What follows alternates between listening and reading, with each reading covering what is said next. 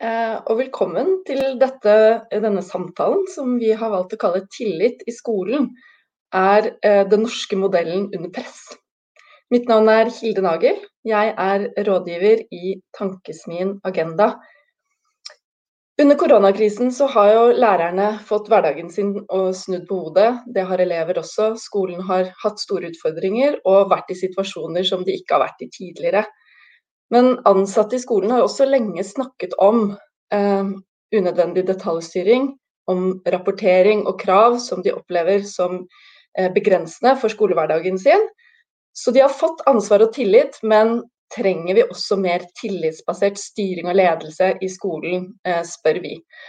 Og med oss til å snakke om dette, så har jeg ikke valgt å ta med forskere denne gangen, heller ikke politikere, men, vi, men, to som har virkelig erfaring fra skolen, og som kan fortelle oss litt om hvordan dette oppleves uh, rundt omkring, og hva som er utfordringene, og ikke minst uh, kaste inn noen utfordringer til uh, den pågående diskusjonen politisk. Så det er altså Tor Jambak, lærer og tillitsvalgt for utdannings Forbundet. Velkommen. Hei, er Tom, ja. Hei. Tom, eh, før jeg, vi snakker videre, så skal jeg også hente inn eh, gjest nummer to. Nemlig Berit Haagensen, lærer og tillitsvalgt i Skolenes landsforbund. Velkommen til oss. Takk for det. Så Før vi begynner, så må vi bli litt bedre kjent. Det vi vet om dere, er at dere er lærere og tillitsvalgte, begge to. Men jeg har lyst til å begynne med deg, Berit. Eh, bare noen ord om hvem er du? Nei, jeg er jo her fordi at jeg er fylkesleder i Skolens landsforbund i Finnmark. Uh, og så jobber jeg til daglig på en ungdomsskole i Hammerfest, og det har jeg nå gjort i 21 år eller noe sånt. Uh, og så har jeg vært litt sånn inn og ut av tillitsvalgtsystemet. Uh, og er jo som sagt nå litt inne da igjen. I tillegg så er jeg jeg er litt politiker òg. Jeg er lokalpolitiker i Hammerfest og har bl.a ledelsen i det ene hovedutvalget, det som har med oppvekst og kultur. Så, så jeg har litt av den her andre sida òg. For eh, partiet Arbeiderpartiet, vi kan jo nevne det. For Arbeiderpartiet, ja. ja. Uh, men jeg er jo her først og fremst fordi at jeg er lærer og er i klasserommene til daglig. Uh, og har god kontakt med tillitsvalgte på grasrota i Skoleslagsforbundet. Jeg gleder meg til å, å, høre mer. Eh, Tom, også før vi setter i gang eh, noen ord om deg. Så hvem er du, da? Tom Jan Bakke. Jeg er uh, lærer i videregående skole. Jeg har jobbet mange år på Røyken videregående skole i det som før var Røyken, nå er Asker. så har jeg også da vært eh, arbeidsplasstillitsvalgt der. Uh, vært hovedtillitsvalgt i det som den gang var Buskerud. Nå jeg, sitter jeg i sentralstyret i Utdanningsforbundet ja, på lands, landsnivå. Da. Mm. mm. Jeg lurer på om vi skal starte med å snakke litt om det siste året, for det har jo vært spesielt på så mange måter. undervisningen har måttet legge om fullstendig. Vi har fått veldig mye digitale løsninger inn. Det har vært hjemmeskole, og det har vært eh, kohorter og eh, røde og gule nivå, og hva det nå enn har vært for noe. Eh, jeg begynner med deg, Berit. Hvordan har det vært for deg og for dere eh, dette året? Nei, Først og fremst så har det jo vært hektisk. Eh, det kom jo kasta på skoleverket, sånn som det gjorde på resten av eh, nasjonen for snart et år siden. Der man stengte ned i løpet av et uh, par dager. Uh, og Det er kanskje det som har vært mest utfordrende denne perioden. Det er de korte skiftene. Det er varsel i, om ja, en dag før eller to dager før, for så å skulle snu om. Og så tror jeg jo at Helt i starten så var det jo en ny hverdag for mange hvordan man skulle forholde seg til digitale plattformer. Uh, og det har jo også vært litt forskjellig rundt omkring i skoleverket hvor godt skolene har vært rusta i form av å ha digitale enheter som eh, PC-er eller nettbrett, uh, sånn at man kunne ha den tette dialogen med elevene. Mm -hmm. Tom, kjenner du deg igjen i det bildet? Ja, absolutt. Så um, Det er vel to ting som jeg syns har kommet uh, ganske tydelig fram. Uh, det er jo, som, som Berit sier, da, det, det, det voldsomme arbeidspresset som har oppstått. Uh, uh, men også en positiv ting, og det er jo lærernes autonomi og profesjonalitet som har kommet veldig godt fram her. Hvordan de har kastet seg rundt. Uh, endret sin undervisning. Vært veldig fleksible. Um, og um, tatt i bruk nye verktøy. Så, så jeg er veldig imponert over den delen. Og det jeg ikke er så imponert over, er jo myndighetenes, uh, kommunenes og fylkeskommunenes rolle her. Sånn, hvor, som en, som en tillitsvalgt i Rogaland skriver i dag, at lærernes arbeidstid er ikke noe Sareptas-krukke som man bare kan der det kommer sånn utømmelig. Det er faktisk en grense for hva den enkelte lærer kan gjøre. Og når det til og med er vanskelig da å få overtidsbetaling så, for, for de, det arbeidet de gjør, så, så er det negativt. Så, så det, det, det, hadde vært en eh, stressende situasjon for mange lærere. Mm. Utfordre dere litt på det, da, for det har kanskje vært noen eh, sånn positive ting og noen negative ting som, som du nevner, Tom. Er det noen ting vi bør gjøre mer av? Aller først, Er det noen ting som vi ser nå som vi har erfaring fra koronasituasjonen, at det har lært oss at dette bør vi fortsette med eller gjøre mer av? Berit først. Jo da, det er klart det. Og, og annet så har nok veldig mange lærere fått en boost i hvordan man kan bruke eh, digital undervisning. Ikke bare på hjemmeskole og i, under korona, eh, men som gode verktøy inn i, i skolehverdagen. Og sånn sett så var det jo kanskje et lite push at den kom, denne biten. For jeg tror at en del eh, kommuner og fylkeskommuner har måttet kaste seg litt rundt i også å finne gode løsninger. Og oppdaga kanskje hvor, hvor, viktig det faktisk er med bl.a. gode nettverk også på, på skolene. Um, så er jo Tom inne på det her med, med arbeidstida. Uh, og jeg må jo si det at jeg, jeg syns jo nesten det er ja, det er i hvert fall trist når, eh, når arbeidstidsavtalen til lærere nå på en måte skal bli, bli eh, brukt mot yrkesgrupper eh, i forhold til det her med å kunne dokumentere overtidsarbeid. For jeg tror jo det har vært litt av redninga eh, under korona nå i skoletida, nemlig det at lærerne har vært vant til å ha en fleksibel disponering av sine, sine arbeidshverdag. Eh, så jeg tror jo at eh, arbeidstidsavtalen som skoleverket har, har vært en styrke for å komme seg gjennom den eh, koronasituasjonen vi er nå. Og så er jo Tom inne på det her at man kan jo liksom ikke bare putte inn nye og nye, nye oppgaver innenfor de samme rammene. Så at det skal være så vanskelige regnestykker eh, som enkelte i KS-systemet skal til, det finner jeg veldig rart. Og så må jeg jo si det at det har jo vært eh, mye fokus på de sårbare barna. Og dem tror jeg de fleste som jobber i skolen har kjent til ganske lenge, egentlig. Uh, og jeg synes jo det, Man har fått frem viktigheten om hvor viktig det er faktisk uh, med skolen, og for en fantastisk jobb skolen gjør hver dag for også de elevene rundt omkring. Uh, sånn at Det er klart at det har kommet både positivt og, og negativt ut av det. Men kanskje det som begynner å merkes nå i skolen, det er jo det trøkket man har stått i i et år. Um, sånn at jeg opplever jo at veldig, veldig mange lærere begynner å bli ganske slitne nå. Tom, eh, hva bør vi fortsette med og eventuelt gjøre mer av etter eh, denne koronasituasjonen er over? Ja, Hvis vi snakker om tillit, så kan vi i hvert fall, eh, tror jeg, både politikere og, og, og de som forvalter skolene i kommunene og fylkeskommunene, legge merke til den, det arbeidet som uh, læreren har gjort, eh, og at de kan faktisk få mer tillit til å gjøre, til å gjøre jobben. Så Det, det, det syns jeg man skal eh, fortsette med. Når det gjelder det digitale, så tror jeg mange har fått øynene opp for hvor utfordrende det digitale er. Eh, sånn at både læremidler og, de, de, og, og verktøy man skal bruke, er, var ikke godt nok oppdatert i alle kommuner og fylkeskommuner. Og når situasjonen da plutselig er der, så ser man at oi sann, det, dette er ikke bra nok. Og det, så, så, så det, det, må vi fortsette å jobbe og arbeide med å få til det på plass. Men også det med at, at det digitale måte, ikke er noe hokus pokus. Det er ikke noe, det er ikke sånn at det er, ikke digitalisering for digitaliseringens skyld.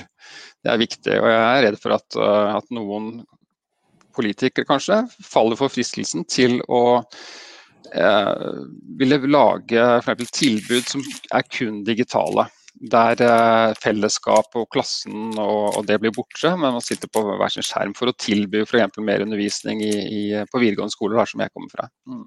Mm. Så det, det, håper jeg ikke uh, At man liksom tenker seg godt om før man, før man går inn i en sånn, sånn type tankegang. Mm. jeg må jo også spørre dere, Hva er det man burde gjøre mindre av? Hva er det man har lært at man ikke skal gjøre? Og Da er det vel kanskje det liksom å kaste seg hodestups inn i digitale løsninger uten noen helhetlig plan, kan man kanskje notere seg, som, som du sier, Tom. andre ting, Berit, som vi ikke bør fortsette med? Du var litt inne på arbeidstid. Ja. Uh, vi hadde jo bl.a. noen eksempler i, i, fjor vår, etter nedstenginga, der vi hadde både kommuner og fylkeskommuner som særlig i starten stilte krav om at alt lærerne gjorde skulle, skulle rapporteres.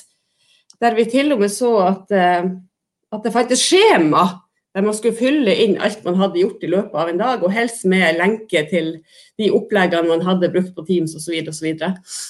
Uh, og det er klart, de der tingene det tror jeg var veldig belastende for mange. Og så var det jo egentlig bare tull, for alt man har gjort på Teams og de her plattformene, det ligger jo der. Sånn at det, det er jo allerede inne i systemet, selv om man ikke har putta det inn i et bestemt skjema. Mm. Uh, så det tenker jeg at det skal vi i hvert fall gjøre mindre av. Eh, og så ser jeg jo også etter hvert at det er jo på en måte blitt en tradisjon nå på at uh,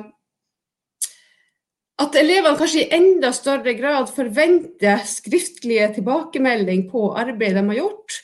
Og det er klart at Veldig mange lærere strekte seg jo langt i de periodene som skolene har vært på rødt nivå, uh, og man har hatt mye hjemmeundervisning med å gi også skriftlige tilbakemeldinger. Uh, og så er på en måte litt av den forventninga kommet inn at det skal man nesten gjøre på alt man gjør i klasserommet. At alt skal leveres inn. Og tenk at Dit må vi ikke komme. At hver enkelt lille detalj som vi holder på med skolen som handler om læring og utvikling, eh, på en måte skal leveres inn og gis konkrete tilbakemelding, og gjerne karakterer på også. Hvordan kjenner du deg igjen i dette, Tom? Er dette, er dette noe som du også er bekymret for? Rapportering og detaljstyring av, av uh, lærerne? Ja, det er uh, absolutt uh, mange meldinger vi får fra våre tilsatte, om at det er en av de store utfordringene. Og, og som Berit er inne på, at ofte så er det virker, det virker dårlig gjennomtenkt. Og, man ser ikke alltid årsaker til at man skal ha den typen kontroll over en lærers hverdag. Så igjen så går det tilbake til tillit. da. Mm. Vi hadde et stikkord her også på denne samtalen som var den norske modellen. Og vi har jo et, et veldig eh, godt system for partssamarbeid og dialog i Norge. Og vi har også en hovedavtale som sikrer eh, ansatte eh, god dialog med sine ledere. Og, eh, og, det fungerer i hvert fall på papiret veldig godt. Men jeg har veldig lyst til å høre litt nå, da, eh, om erfaringer, og gjerne liksom både gode og dårlige erfaringer på hvordan denne norske modellen fungerer. Gjerne knyttet til korona, men også generelt eh, med deg, Berit. Medvirkning, medbestemmelse, inkludering. Ja, den norske modellen er kjempegod. Og selvfølgelig også på papiret. Eh, men det fordrer jo at man eh, på en måte har eh, som bakgrunn det at det reelle samarbeidet skal være på plass. Så det er jo en del tillitsvalgte som har vært litt sånn på at de har følt at de kommer i andre rekke. Veldig mye beslutninger er egentlig tatt før de involveres. Sånn at kanskje den intensjonen i hovedavtaleverkene Eh, som sier at man skal involvere så tidlig som mulig, den tenker at den kan absolutt drøftes om når er så tidlig som mulig. Uh, og så har det jo vært mye eh, tilbakemeldinger knytta rundt det her med smittevernet. og den typen medbestemmelse som egentlig òg er hjemla i arbeidsmiljøloven. Der har det jo vært eh, veldig ulikt fra plass til plass. Hva man har tolka ut av gult nivå eller rødt nivå. Hva som må være på plass for at elever skal være på skolene. Det her med avstand. Eh, og kanskje ikke først og fremst bare elevene imellom, for jeg tror alle lærere etter hvert har fått med seg at barn eh, smitter mindre, ikke blir like alvorlig syk osv. osv. Mens situasjonen i Norge i dag er jo at på veldig, veldig mange skoler så sitter man på felles arbeidsrom. Kanskje både 10 og 15 eh, stykker og, og mer enn det. Eh, og sitter både tett og trangt. Eh, Sånn at det er jo mange tilbakemeldinger på at folk ønsker seg kanskje en enda sterkere involvering tidlig i prosessene. Det her med å kunne bli tatt med for å få, få, innspill. Og så er det jo den andre biten av den norske modellen. For den norske modellen fordrer jo at man eh, har, har, kontakt og har mulighet og rom for å ha kontakt med sine medlemmer. Eh, og jeg ser jo det at det ofte så er det så hektisk at det å få tid til ordentlige klubbmøter der man får satt seg ned og diskutert de her sakene, og, og eh, enkeltmedlemmene får komme med sine syn eh, og sine både bekymringer og for så vidt positive erfaringer òg, den har jo vært eh, vanskelig. Eh, og det er jo ikke bare nå i den koronasituasjonen. Det tror jeg er hverdagen på veldig, veldig mange skoler Eh, og det er klart, Fra gammelt av så har jo lærerorganisasjonene hatt eh, sterk medbestemmelse eh, og en kultur for, for sterk medbestemmelse gjennom de statlige avtalene, som vi var innunder hvis vi går langt nok tilbake. Sånn at jeg oppfatter på, på, tillitsvalgte at uh, ofte så når de har spørsmål, så blir det tatt som kritikk. Og så er det kanskje ikke nødvendigvis verken kritikk, men det er kanskje et forsøk på å komme med medlemmene sine utfordringer og behover. Uh, og ikke nødvendigvis for å ta ledere. For jeg tror jo at skolelederne også har hatt en kjempeutfordrende situasjon i det året som har vært. Men der tenker jeg jo kanskje at de tillitsvalgte kunne, kunne i enda større grad ha vært en ressurs for å løse de de eh, utfordringene som man eh, både har stått og fortsatt står eh, oppi. Tom, erfaringer med den norske modellen? Jo, først og fremst så kan jeg bare skrive noe på det som Berit beskriver her. Jeg tror det er en, noe som veldig mange av også våre tillitsvalgte kjenner seg igjen i.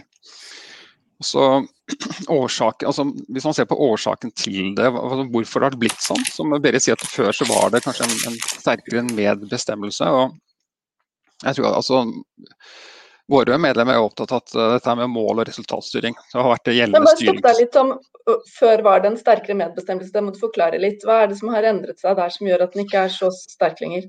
Jo, det var det, det jeg skulle komme til nå, Hilde. Fordi, fordi den mål- og resultatstyringen har vært og, sant, Siden den ble innført, så, så, har det bidratt til standardisering og konkurranse. Som, som vi mener innsnevrer samfunnsmandatet og, og formålet med opplæringa. Um, og i og med at den mål- og resultatstyringen er ganske sterk da, og, og detaljert, Eh, med kompetansemål du skal styre etter, og med, med nasjonalt kvalitetsvurderingssystem, med disse nasjonale prøvene og alt det der, så, så er vi innenfor en ganske smal eh, Det blir smal styring. Eh, og som sagt, eh, dette her med samfunnsmandat og formål med opplæringen som står i formålsparagrafen i opplæringsloven, det mener jo vi har blitt borte. Så det, dette må bli et helt menneske, liksom. Det er den, den, mm. delen der av skolen. Er dette noe som kom med denne kvalitetsvurderingssystemet i 2004? Er det da vi liksom får denne, denne endringen? Jeg mener at vi var et markant skille. Det begynte kanskje litt med Hernes sine reformer. Så mener jeg at det var et markant skille i 2006 da den nye, at Kunnskapsløftet kom. Og det som, Før så hadde vi også lærerråd så lærer, Lærerrådene de var med å bestemme utviklingen på skolen. Og Det var nok meninga at dette skulle gå inn i hovedavtalen, denne medbestemmelsen.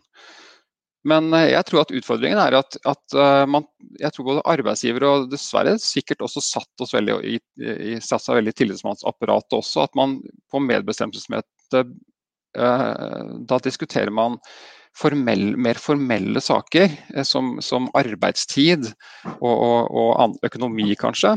Mens skolens faglige utvikling, faglige og pedagogiske utvikling, den har blitt borte fra medbestemmelsesmøtene.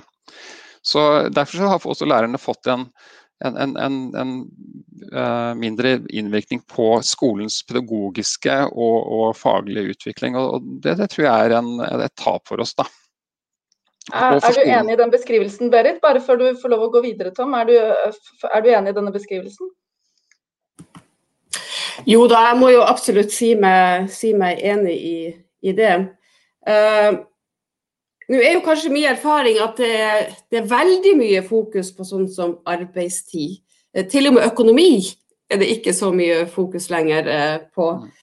Uh, og veldig mye av de økonomispørsmålene, det som var helt naturlige å diskutere på skoler tidligere, det tas nå på overordna nivåer i kommuner og fylkeskommuner. Og at man har kanskje mye mindre mulighet for å kunne være med og påvirke på de interne fordelingene. og det er klart, der, Jeg blir jo litt sånn i stuss, for når man ser på private næringsliv, så har jo de kanskje gått et steg i motsatt retning, der de i større grad har involvert sine medarbeidere eh, og ansvarliggjort det uten den detaljstyringa. Jeg må jo si at jeg var jo litt sånn når når det var en mye eh, diskusjon her, kanskje særlig rundt april-mai eh, i fjor, eh, om hvordan man kunne kontrollere at lærerne gjorde det de skulle på hjemmekontor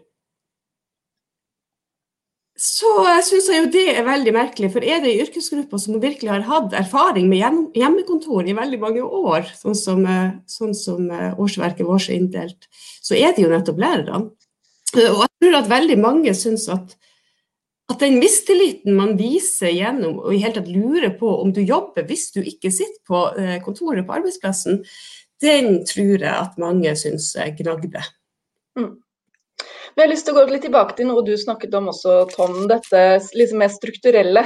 At vi fikk noen reformer og vi fikk noe inn i skolen som gjorde at uh, den eh, norske modellen ble litt annerledes. Og, og, noen muligheter for medvirkning og involvering og som ble forsvant litt.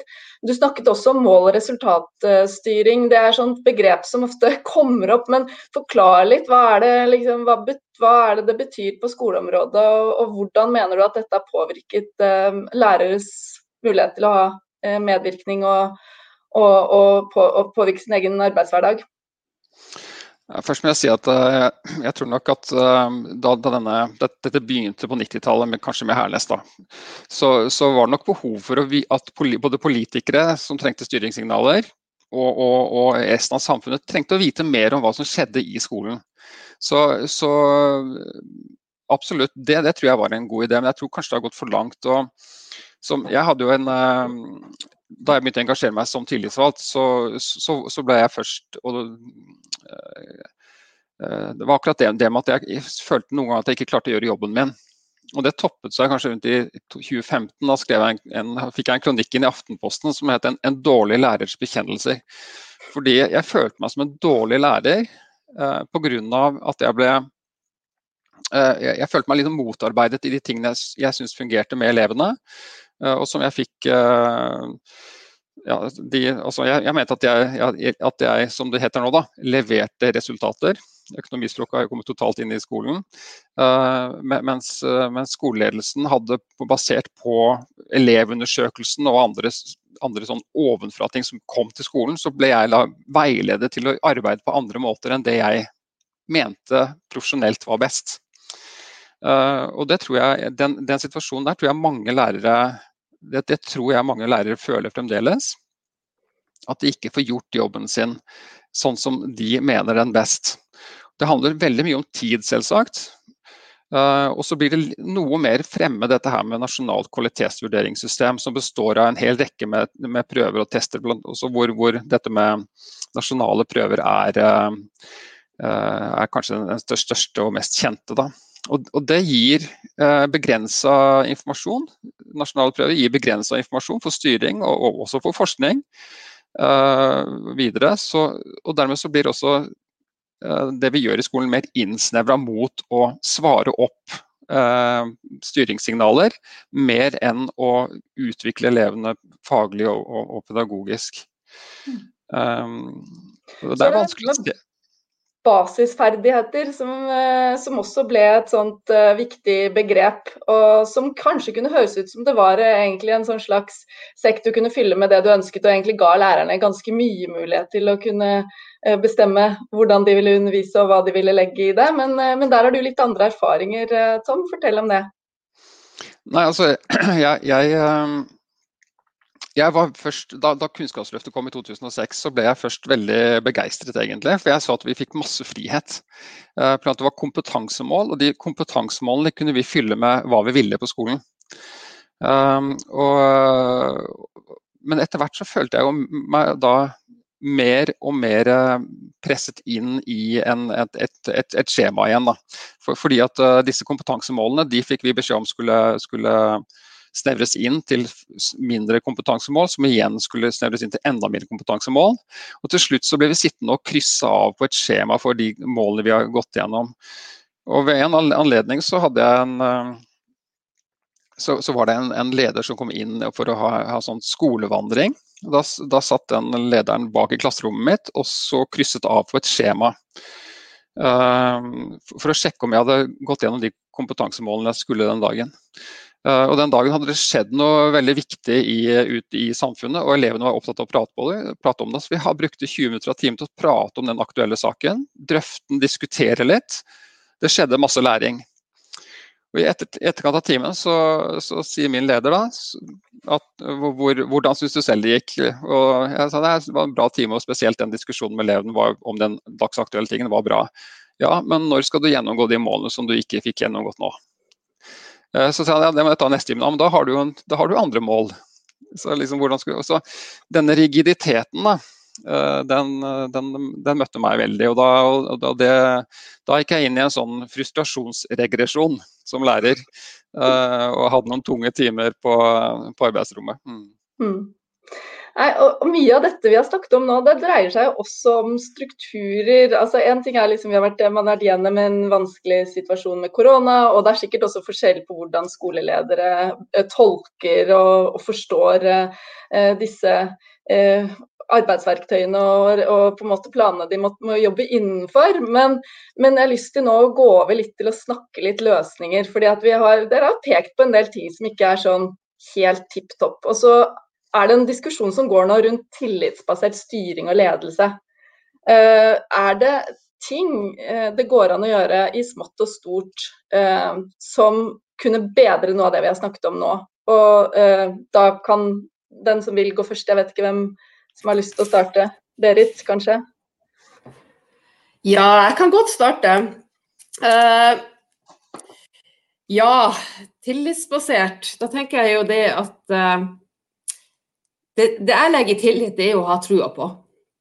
Uh, og det her med at det er jo kjempeviktig at uh, læreren har trua på at det de gjør, er faktisk innenfor det som er det beste for elevene. Uh, og vi har brukt ganske mye tid i skoleverket de siste årene i forhold til tilpassing for elevene, i forhold til å treffe hver enkelt elev. Og, og jeg tenker at litt av den der biten den kan man kanskje rett og slett overføre til lærerne òg. Det her med at vi er jo forskjellige, for vi er forskjellige mennesker, vi har forskjellige bakgrunn. Eh, og dermed så vil vi jo kanskje også ha behov for at Altså min og Tom sin undervisningstime i samme fag kan ikke nødvendigvis bli helt lik. Eh, for det hadde ikke blitt noe bra. Antageligvis så hadde ikke det egentlig truffet noen av oss hvis vi skulle funnet en sånn middelvei som, som vi skulle legge oss på, som, som, gjorde at vi skulle sikre at alle elevene fikk akkurat det samme tilbudet. For Alle elevene skal jo ha de samme mulighetene, men hvis du virkelig skal få frem de gode lærerne, så er du jo nødt til å både la folk være seg sjøl, Det tenker jeg det er kjempeviktig, for man må jo være troverdig hvis man skal møte elevene.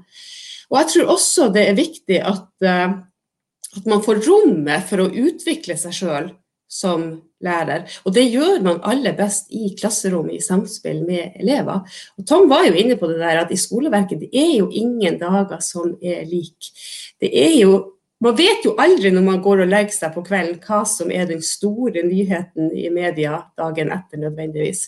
Og det er klart Når det skjer ting Det vil jo være som at vi da i mars, når vi kobler oss på Teams etter hvert, ikke skal snakke om koronasituasjonen i Norge eller i verden.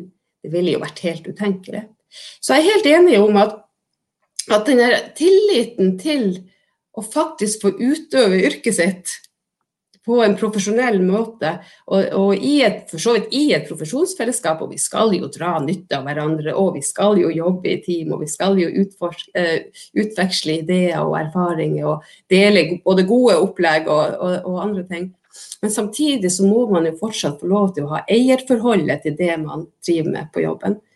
Og det tror jeg at mange lærere har kjent på de siste årene, at man får mindre og mindre frihet. Eh, Tom var inne på det er mye skjema, det skal krysses av. Eh, man skal være helt sikker på at de årsplanene man har, de skal dekke alle kompetansemålene. Eh, og så tror jeg mange kjenner på det presset med å komme gjennom alle målene. Og at kanskje det nesten av og til blir viktigere enn at faktisk elevene skal ha lært mest mulig eh, av det som målene overordna sier at de skal. Mm.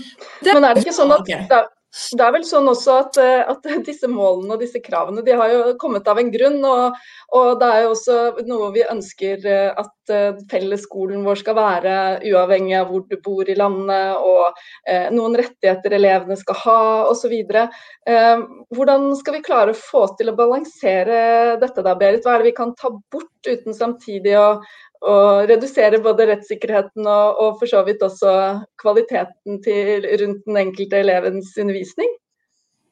Nei, jeg tenker jo at det, det er jo litt av de eh, skjematype tankegangen. For jeg tror du kan både tilpasse og du kan oppfylle opplæringsloven uten det. Det kan du godt.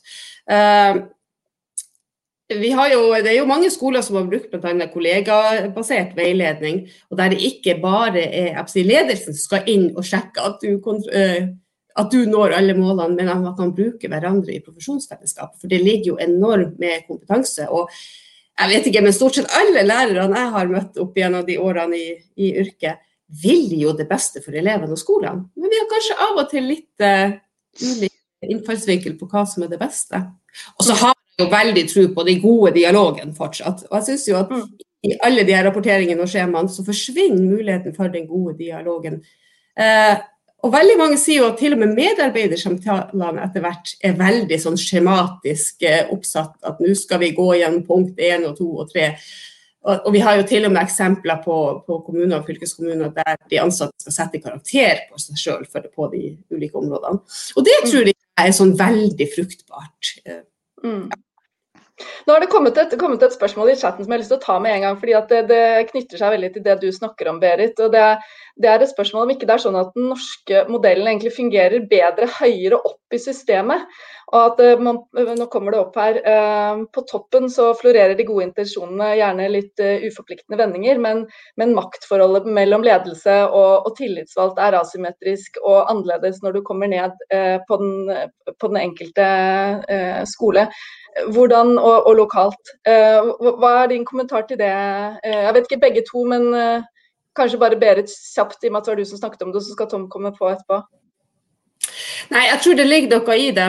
Uh, og jeg tenker at Det er derfor det er så viktig nå at man drar det her ned på, uh, på virksomhet og skolenivå. Uh, for, at, for at festtalene, det er det jo nok av.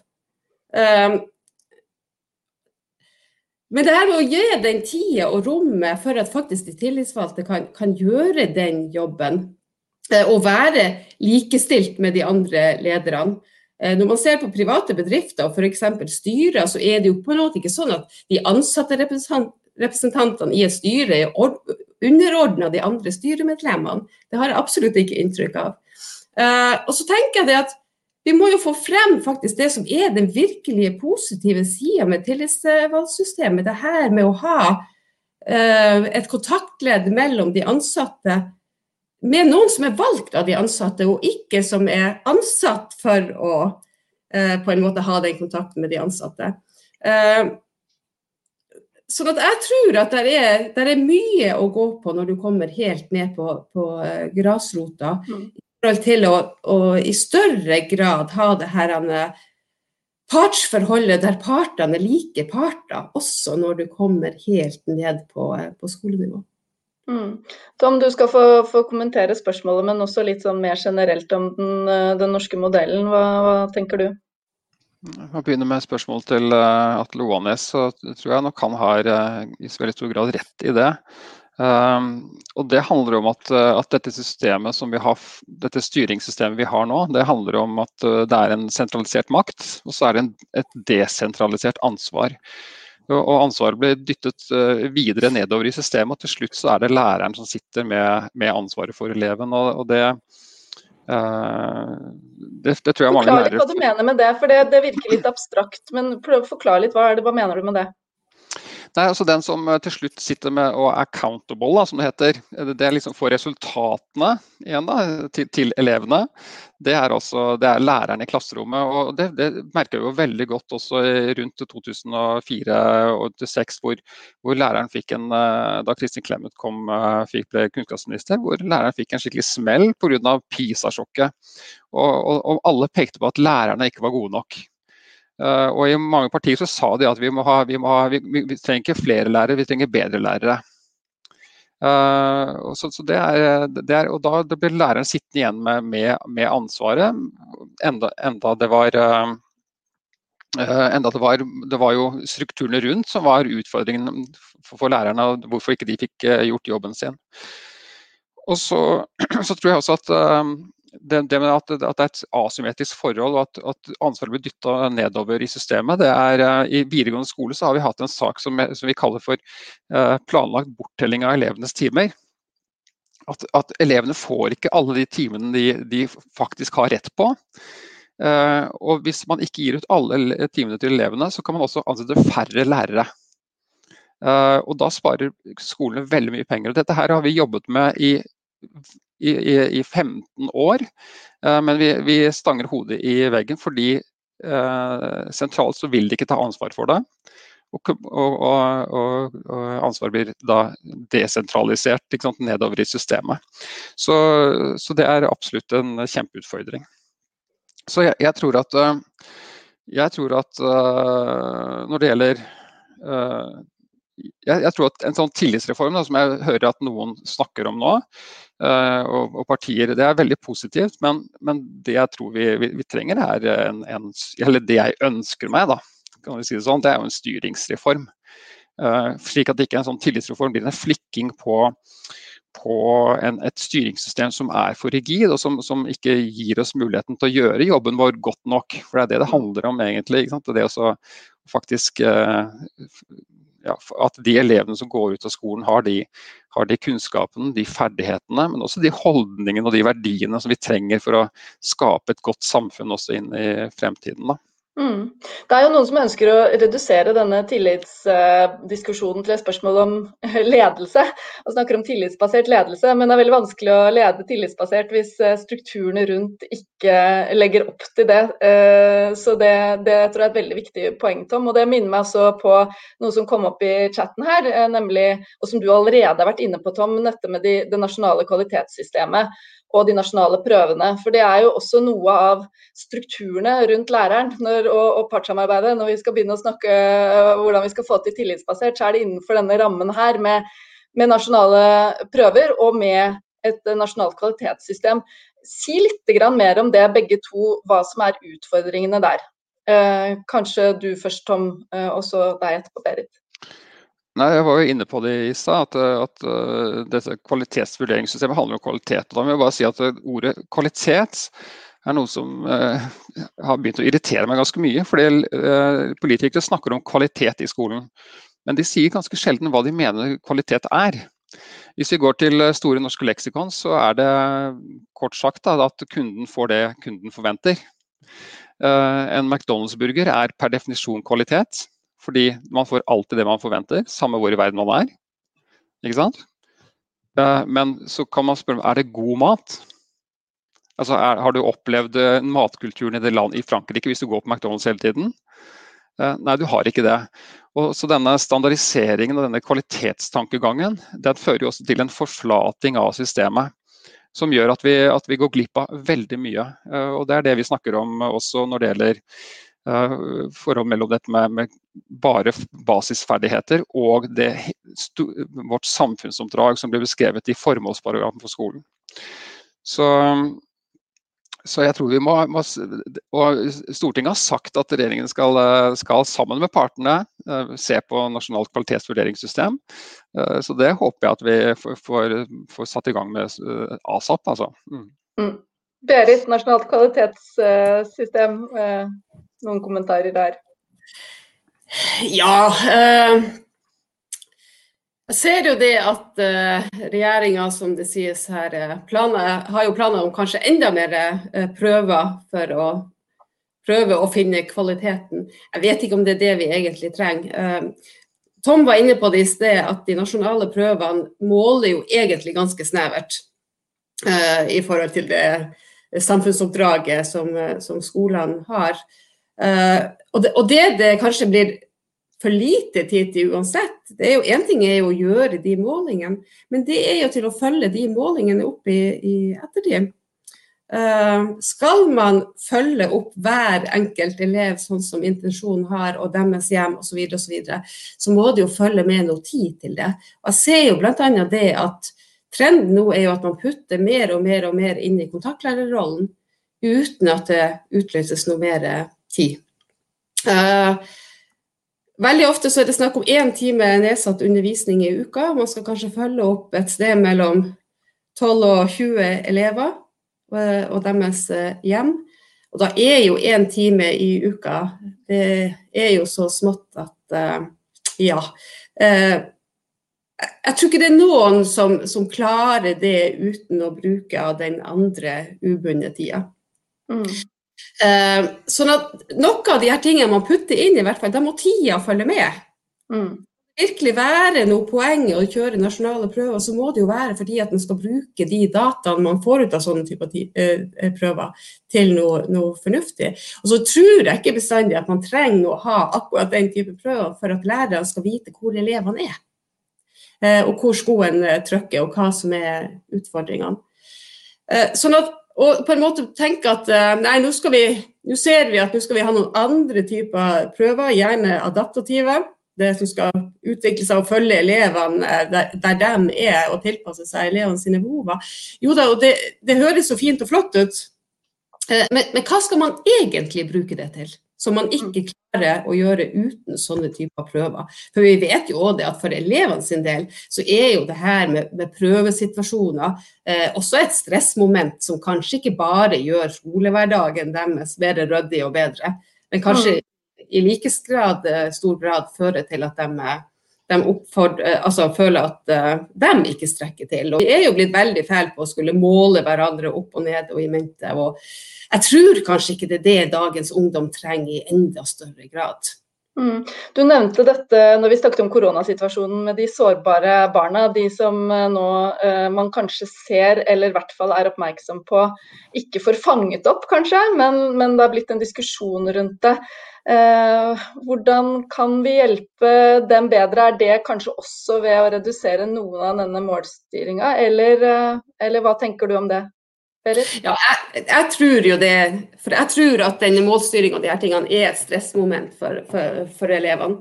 Uh, det er klart, De sårbare barna det er jo en kjempestor gruppe.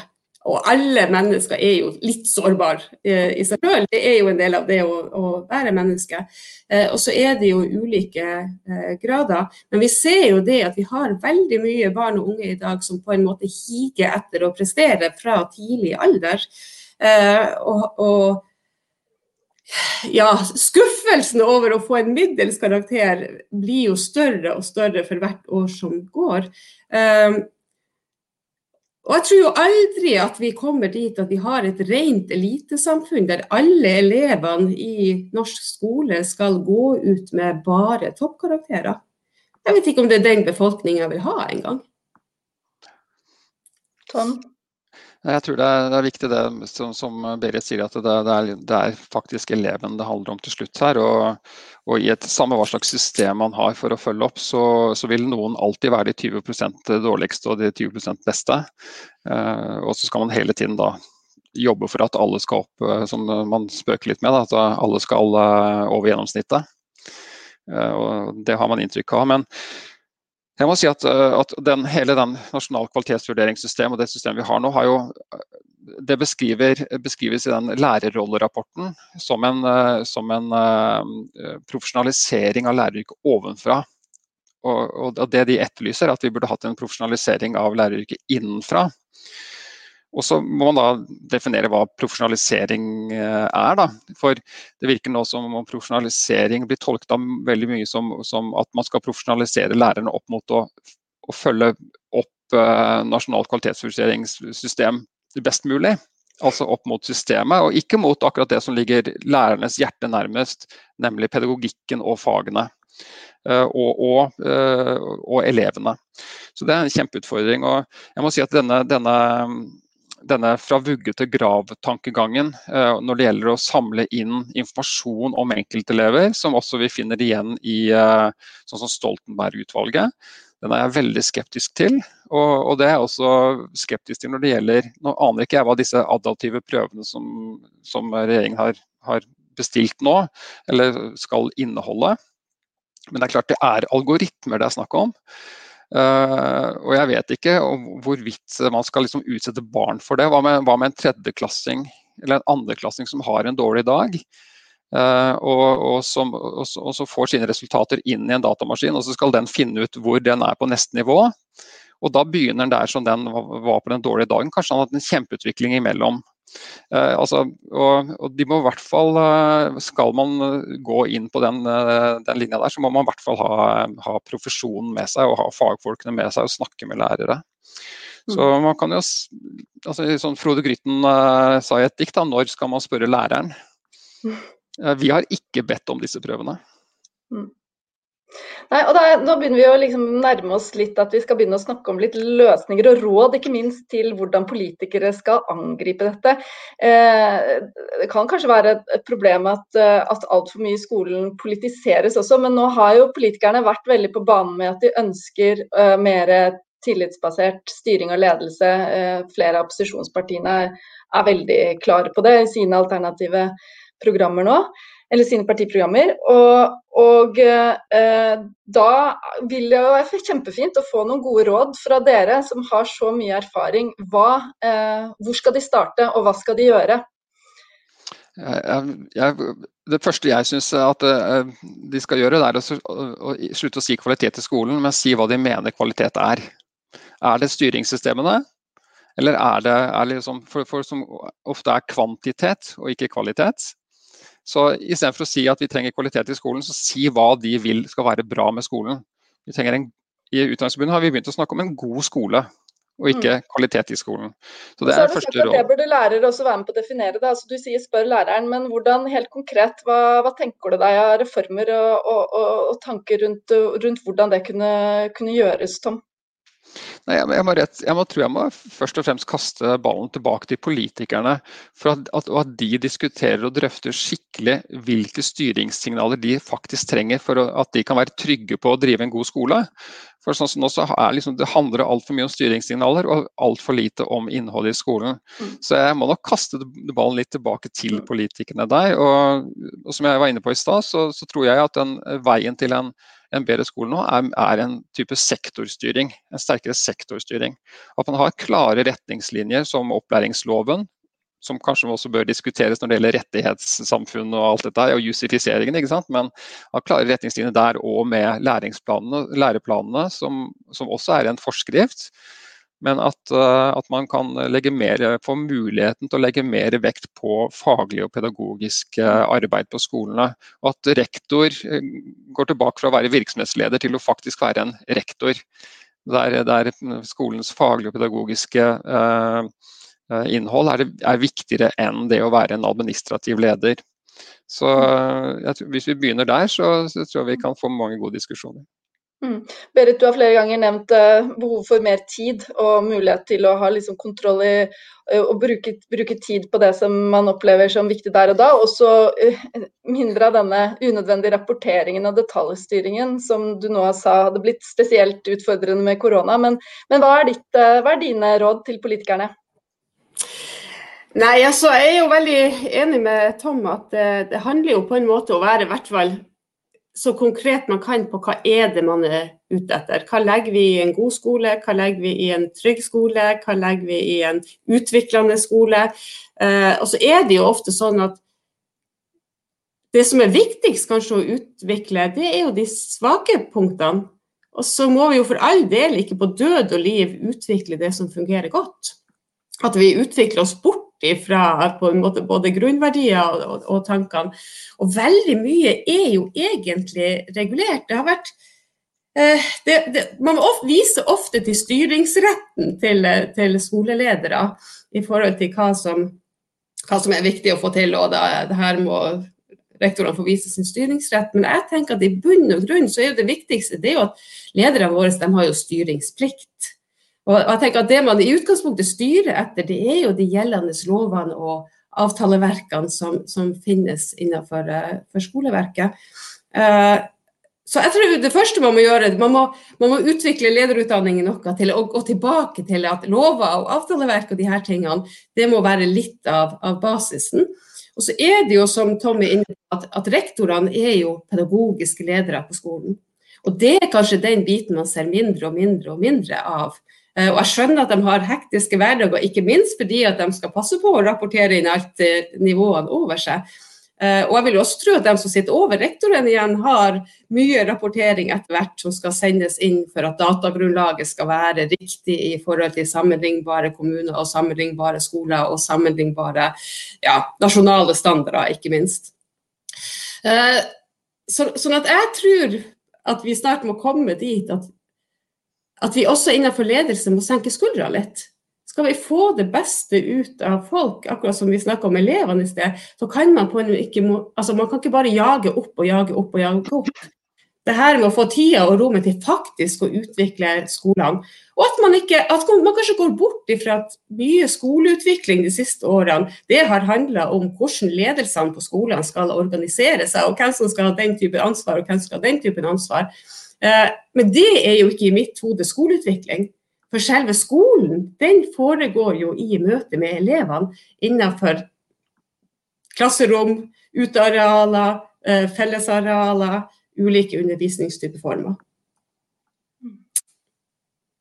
Tom, har du noe Nei, akkurat Det siste her er jeg veldig enig i. og jeg tror at Skoleutviklingen de siste årene har handlet om akkurat det. Det handler om, om, om kvalitetssystemer. Og det handlet om, om, om, å sørge for å få, få styringssignaler videre. Så, så, skolen har liksom vært uh, den derre som min sjef Steffen Handal uh, sier noen ganger, at liksom, den, noen ganger politikernes noen ganger for klamme hånd kommer helt inn i klasserommet. Det, det vil vi helst ikke ha noe av. Uh, så igjen tilbake til det, det, begrepet å la lærere være lærere. da og la dem, la dem, få gjøre jobben slik de, de mener, den, mener den best. Mm. Så uh, Men jeg, jeg, tror også at uh, ja, man må, se, liksom, man må se på hele, hele, styringssystemet. og ikke, for Det er veldig lett å gå inn i liksom, hva er det læreren trenger og hva er det man har behov for. og sånn. Ja, Da kan det bli detaljert, eh, uten at man da ser på, på selve systemet. Så, og der er jo og Der er vi jo inne på det, det språket som infiserer i skolen, og det økonomispråket. Det syns jeg også vi skal tenke godt over når vi snakker om, eh, når vi snakker om læringsutbytte. For Hvis du søker på læringsutbytte på Stort norsk leksikon, så, så, finner du ikke du finner det liksom referert til noen tekster. Det er ikke et ord, det er et påfunnet ord. Du ser på utbytte, så handler det om børsen og, og det å tjene penger. ikke sant? Så, så vi, og, og, vi som er lærere har også gått måte, inn i dette språket vi, og, og, tankegangen da, som følger med det. Læringstrykk f.eks. Sånn, trykket det kommer fordi det er press fra andre. Sånn, man skal sammenligne seg og være i konkurranse med andre skoler og andre kommuner. Og at det liksom skal skape fram, framdrift. Men tenk på den eleven. Da, hvis du tar og bytter ut ordet trykk med press, læringspress så, så, ser du liksom hvor måtte, det feil det der blir. Uh, man kan jo ikke presse læring inn i elevene. Uh, så, så de, de, ordene vi bruker, da, også læring er også blitt sånn, uh, så et sånn ord som vi bruker hele tiden, og som utelukkende positivt. men vi må huske at de som sitter foran internettet og leser seg opp på konspirasjonsteorier, de lærer de også. Men det er jo ikke, de, ikke de får kompetanse. Men det er jo innholdet i det de lærer som er eh, galt av det. Så i skolen så har vi, og Da er vi tilbake til skoleutvikling og, og, og rektor som pedagogisk og faglig leder. Hvis ikke vi snakker om innholdet i skolen, hva, hva skal faktisk elevene lære og hva skal det, det innholdet, så, og bare snakker om systemer, så kan vi gå på, inn på en feil vei. da. Dere, vi er nødt til å gå inn for, eh, for eh, avslutning her. Eh, la læreren være lærer.